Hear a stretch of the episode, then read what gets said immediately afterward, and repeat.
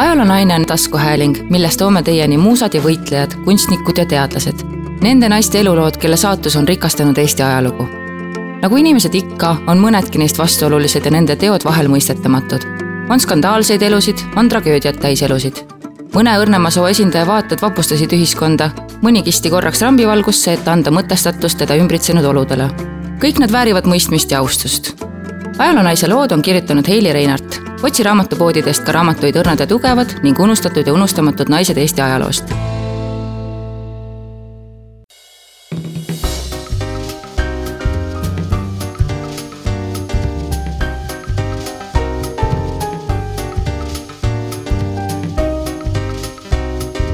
Elvire Vendelli lugu aegade jooksul on Eesti mehed ja naised lootnud võõrsilt leida õnne ja rikkust, mis oma paepealsel kodumaal kergelt kätte pole tahtnud tulla. nii leidis Eestist kahekümnendatel aastatel tee kaugetele võõrastele maadele tuhandeid parema elu otsijaid. üheks eksootilisemaks maaks, kuhu välja rännati, oli Brasiilia. elu ja töötingimused noores Eesti Vabariigis olid üsna rasked seega pole põhjust imestada, et kui inimeste seas hakkasid liikuma jutud kuldsest Kaananimaast, kus kasvavad palmid, on igavene suvi ja maa annab aastas mitu korda saaki, siis riskijaid oli hulgaliselt. suurim ja olulisim eestlaste väljaränne Lõuna-Ameerikasse leidis aset aastatel tuhat üheksasada kakskümmend neli kuni kakskümmend kuus. liikumise tipuks jäi kahekümne viies aasta, mil üle ookeani sõitis tuhat kuussada kakskümmend seitse eestlast ehk ligi kaheksakümmend seitse protsenti sellel aastal Eestist välja rännanutest tuhande üheksasaja kahekümne viiendal aastal arvati Brasiilias asuvat umbes viis tuhat eestlast. Brasiilia valitsus toetas uute immigrantide tulekut üsna kallite laevapiletite kompenseerimisega.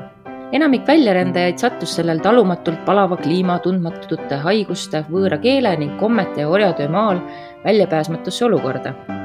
kohviistandustest üritati pääseda suurlinnadesse, et leida sealt elatist muu töö peal. Kolmekümnendal aastal, kui Eesti hakkas soodustama tagasirännet kodumaale, võtsid nii mõnedki sellest kinni ja tulid kodumaale tagasi. keeruliste olude kiuste jõudsid üksikud eestlased Brasiilias haljale oksale, saavutades tulemusi, milleni väikesel kodumaal poleks iialgi jõutud. üks selliseid oli noor Saaremaa juurtega neiu Elvire Vendel. Kahekümne teisel mail tuhat kaheksasada üheksakümmend viis laulatati Kaarma kirikus Suure mõisa kutsar Juhan Vendel ja nooruke kuueteistaastane toatüdruk Julia Kristiine Tamm kodu asus neil Mändjala külas. esimene tuhande kaheksasaja üheksakümne seitsmendal aastal sündinud tütreke Marta suri kahjuks viiekuuselt. kui noorik teise lapse ootele jäi, otsustas parun Nolken mõneks ajaks Riiga siirduda ja võttis kaasa ka oma kutsari koos selle naisega. nii sündiski pere teine laps Maria Rosalia Riia linnas. Siis aga lahkus Juhan paruni teenistusest ja siirdus elama oma venna Aleksandri juurde Amblasse, Järvamaale seal sündisid pojad Eduard ja Oskar ning kahekümne esimesel detsembril tuhat üheksasada viis ka tütar Elvire Amalia. tuhat üheksasada kolmteist sündis veel Hedvig Hilda. Julia sünnitas kokku umbes kümme last, neist pooled surid noorelt erinevatesse haigustesse. tuhande üheksasaja kahekümne neljandal aastal asus pere elama Tallinna Tatari tänavale, kus isa Juhan hakkas elatist teenima kojamehena. Nooreks neiuks sirgunud Elvire leidmata õiget pidet ja tegevust kodumaal nakatus väljarändamise ideest ja otsustas kahekümne viiendal aastal sõita koos sõbranna Pauliinega Brasiiliasse õnne otsima. laev randus Santose sadamalinnas, kus elutsesid peamiselt ärimehed. linn oli tüdrukute meelest ilus, täis rohelisi suuri parke, kuid kliima oli väljakannatamatult niiske ja palav. enamus sisserännanuid liikus edasi Brasiilia sisemaa poole. Nemad sõbrannaga aga otsustasid õnne proovida suurlinnas, Sao Paulos algas vaevarikas jaht igapäevase äraelamise ja leiva järele. sobivat tööd leida polnud sugugi kerge. olud olid täiesti võõrad ja portugali keelt ei osanud neist kumbki. viimaks õnnestus tüdrukutel leida ühe juuksuri juures maniküüri ja kohad. ühel päeval märkas Pauliine kuulutust, kus kohalik National Film otsis uusi näitlejaid filmi kõrvalosadesse. Ta otsustas katsetada õnne kaamera ees ja rääkis sellest ka Elvile, kutsudes teda kaasa loomult tagasihoidlik ja kinnine Elvire puikles algul pikalt vastu, kuid lõpuks läks siiski sõbrannaga kaasa kohalikku filmiateljeesse, et vaadata, kuidas sõbrannal läheb. kuid keda ei vajatud, oli tema sõbranna. hoopis Elvire Vendellil oli õnne. nüüd algas eestlannal kibe töö filmiateljees, mille tulemuseks oli, et üsna varsti usaldati talle peaosa ühes hetkel käsil olevas draamas.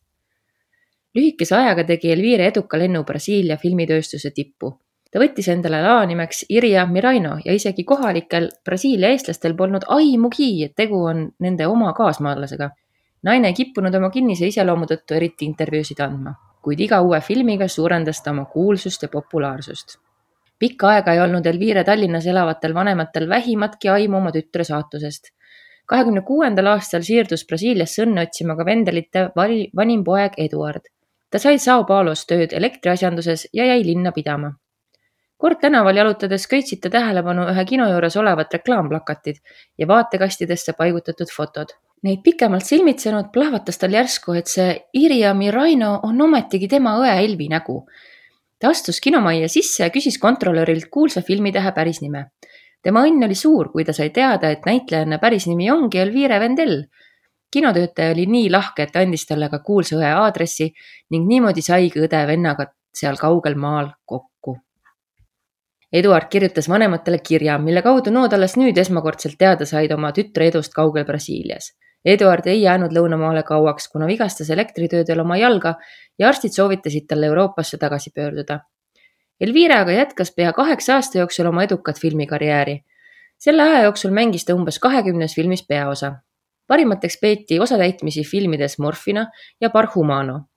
kohalikud lehed ilmutasid pidevalt tema fotosid ja avaldasid ülistusi tema kunstile eestlanna olevat tunduvalt tõstnud Brasiilia filmikunsti taset.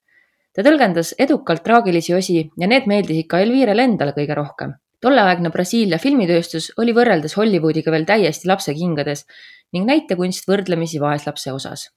Irja Miraino nimi ei olnud kuulus ainult Brasiilias, vaid ka teistes Lõuna-Ameerika riikides ja koguni Mehhikos Eestisse muidugi ühtki Brasiilia filmi tol ajal ei jõudnud, sest puudusid vastavad ärisidemed. kolmekümne kolmandal aastal otsustas naine asja ise käsile võtta. ta ostis kaks oma parimat filmi ja kavatses need saata Eestisse. Sao Paulos kohtas ta kahte Leedu juuti, kes olid teel kodumaale. ta palus neil filmid kaasa võtta ja toimetada need edasi Eestisse.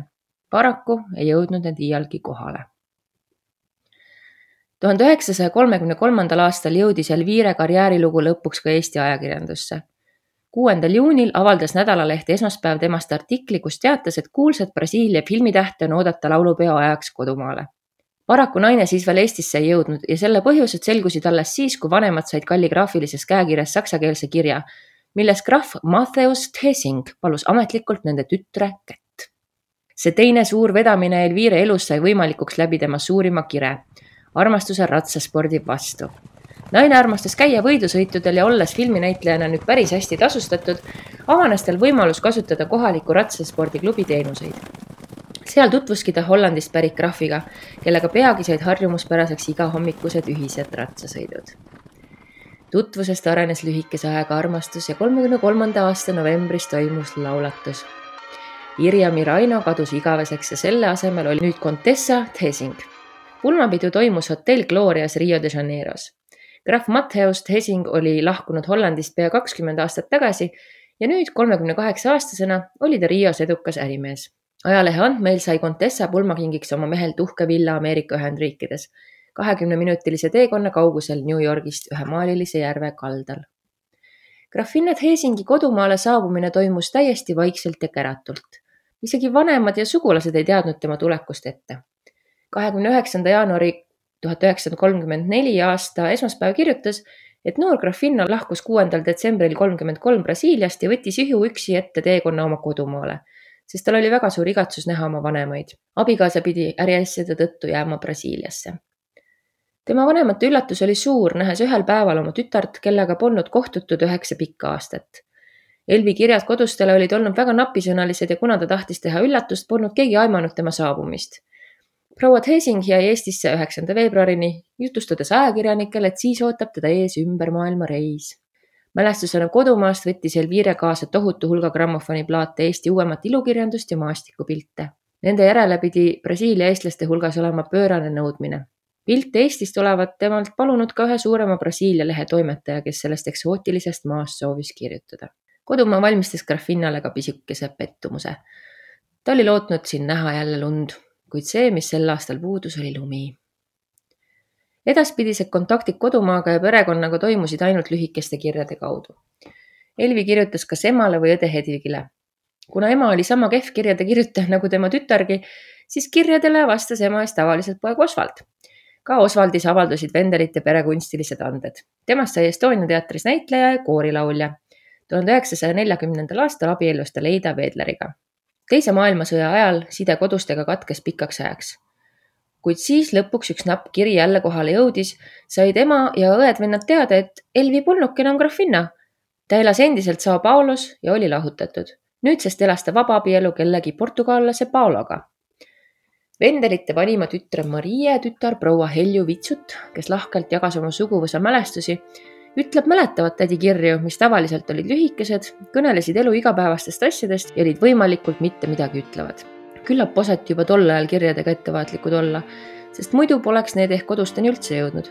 eredalt on tal meeles ainult üks tädi lause. lund näen ainult siis, kui külmkappi sulatan.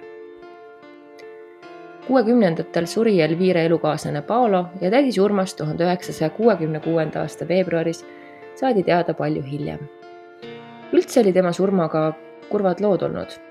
kuna Elvire oli elanud üksi, siis oli tema surnukeha avastatud alles kaks nädalat hiljem ta olevat maetud Sao Paulo surnuaiale.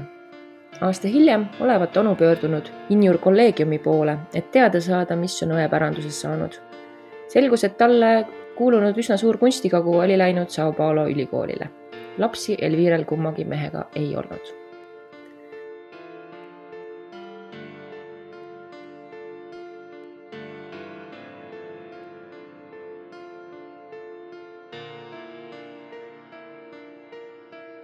suur tänu proua Heljo Vitsutile, kes lahkelt jagas autoriga mälestusi oma tädist ja perekonnast.